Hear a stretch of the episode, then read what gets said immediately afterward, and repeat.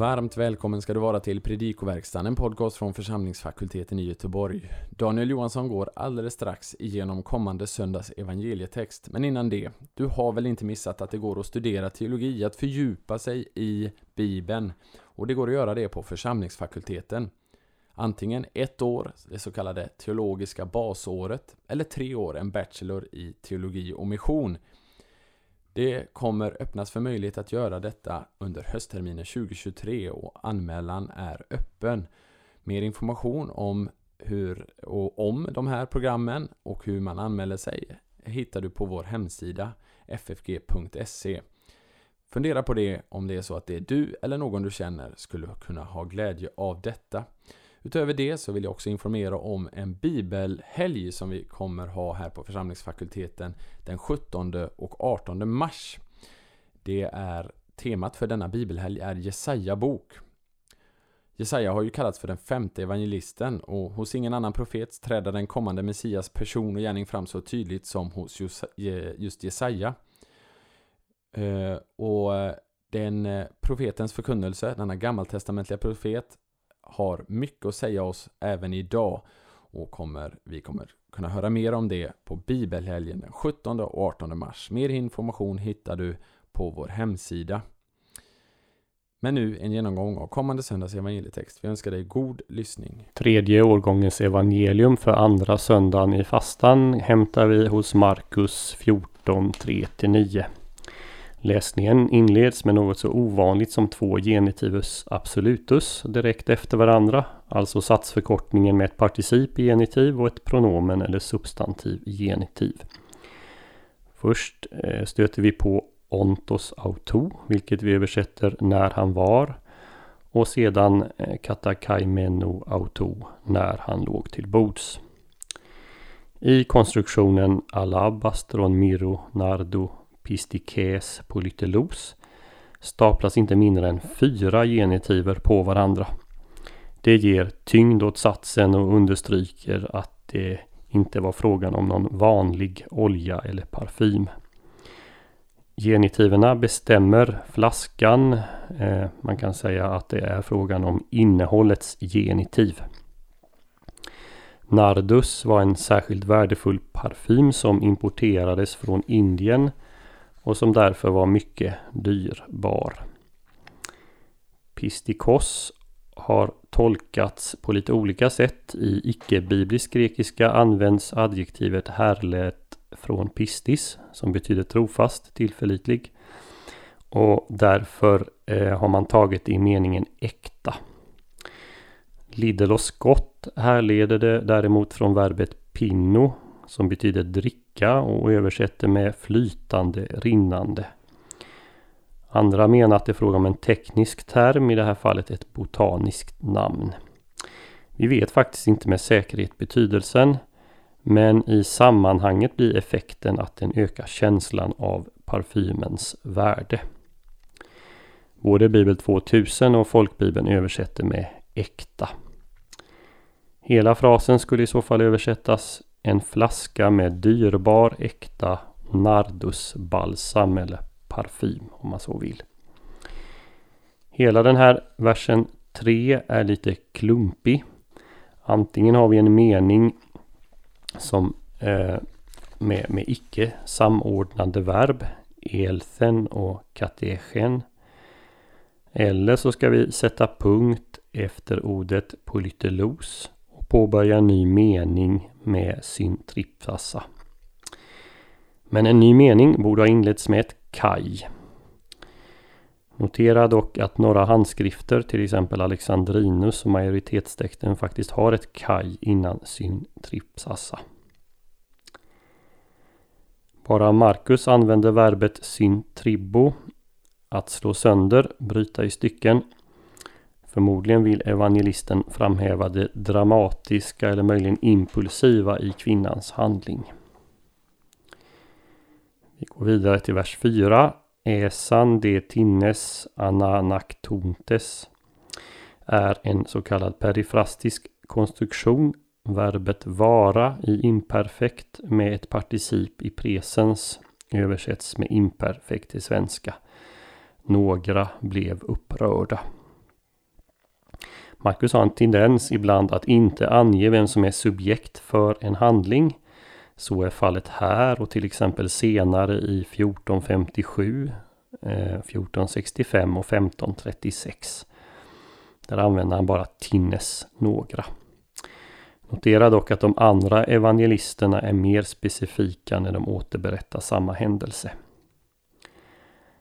Verbet akanakteo, bli upprörd, förargad. Det finner vi också i 10.14 och 10.41 i Markus evangeliet. Här uttrycks förargelsen sinsemellan de närvarande, vilket framgår av Bibel 2000 men inte i folkbibeln. Genitiven denarion, trisakosion, 300 eh, denarer i vers 5 har en dubbel funktion. Dels är det fråga om prisets genitiv, alltså man återger ett pris i genitiv. Dels är det styrt av adverbet epano, mer än, som här fungerar som en preposition. Kopos parejo är ett idiom som betyder orsaka någon möda. I vers 8 är hs-sken epoiesen ett komprimerat uttryck. Ordagrant står det vad hon hade gjorde hon. Man bör nog underförstå ett poesa i att göra infinitiv. Vad hon hade att göra gjorde hon. Verbet echo kan ha betydelsen förmå så också enligt Bibel 2000. Hon har gjort vad hon kunde. Att inte verbet dynamai kunna används kan ha att göra med att kvinnan redan hade echo, den dyrbara oljan. Till sist det avslutande prepositionsuttrycket i vers 9. Eis mnemo synon autes. Till hennes minne. Det här kan förstås på åtminstone tre olika sätt. Det vanligaste är att eh, det är de som hör om kvinnans gärning som kommer ihåg henne. Men Joakim Jeremias i bland annat sin berömda nattvardsskrift i Abent Mals Vorte Jesu menar att det här är frågan om att det är Gud som ska minnas kvinnans handling. Ett tredje alternativ tar det i meningen som hennes minne eller minnesmärke över mig. Den här läsningen är en del av inledningen på passionsberättelsen i Markus evangeliet. Markus använder ju gärna en så kallad sandwich-teknik i sina framställningar. Ett avsnitt inleds med en viss händelse. En annan händelse kommer in och berättas och så återupptas den första händelsen. Typexemplet är uppväckandet av Jairi dotter och botandet av kvinnan med blödningar i kapitel 5. Här i inledningen på kapitel 14 finner vi en dubbel sandwich. Eh, början av vers 1 talar om påsken.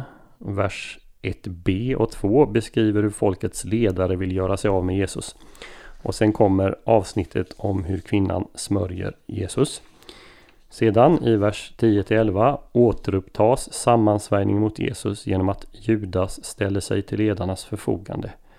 Och i vers 12 tas sedan påsktemat upp på nytt. Man skulle också kunna kalla det någon slags dubbel inklusio. Smörjandet av Jesus utgör alltså mitten, själva, handling, eh, själva kärnan i den här framställningen. När det gäller kontexten så bör vi också notera att om man skulle bortse från kapitel 13 som ju handlar om den yttersta tiden så följer den här berättelsen om kvinnans dyrbara offer av dyrbar olja en annan kvinnas dyrbara offer, nämligen änkan som gav sina sista ören till Gud i templet. Som man kan läsa om i slutet av kapitel 12. Evangelieläsningen består av fyra delar. Först får vi själva beskrivningen av smörjelsen i vers 3. Eh, I verserna 4 till 5 läser vi om upprördheten över kvinnan. I verserna 6 till 8 Jesu försvar för kvinnan. Och i vers 9 talas det om ihågkommandet av handlingen. Händelsen utspelas i Betania på den lägre delen av Olivbergets östra sluttning omkring tre kilometer öster om Jerusalem. Värden för den här festen, Simon, han kallas den spetälske.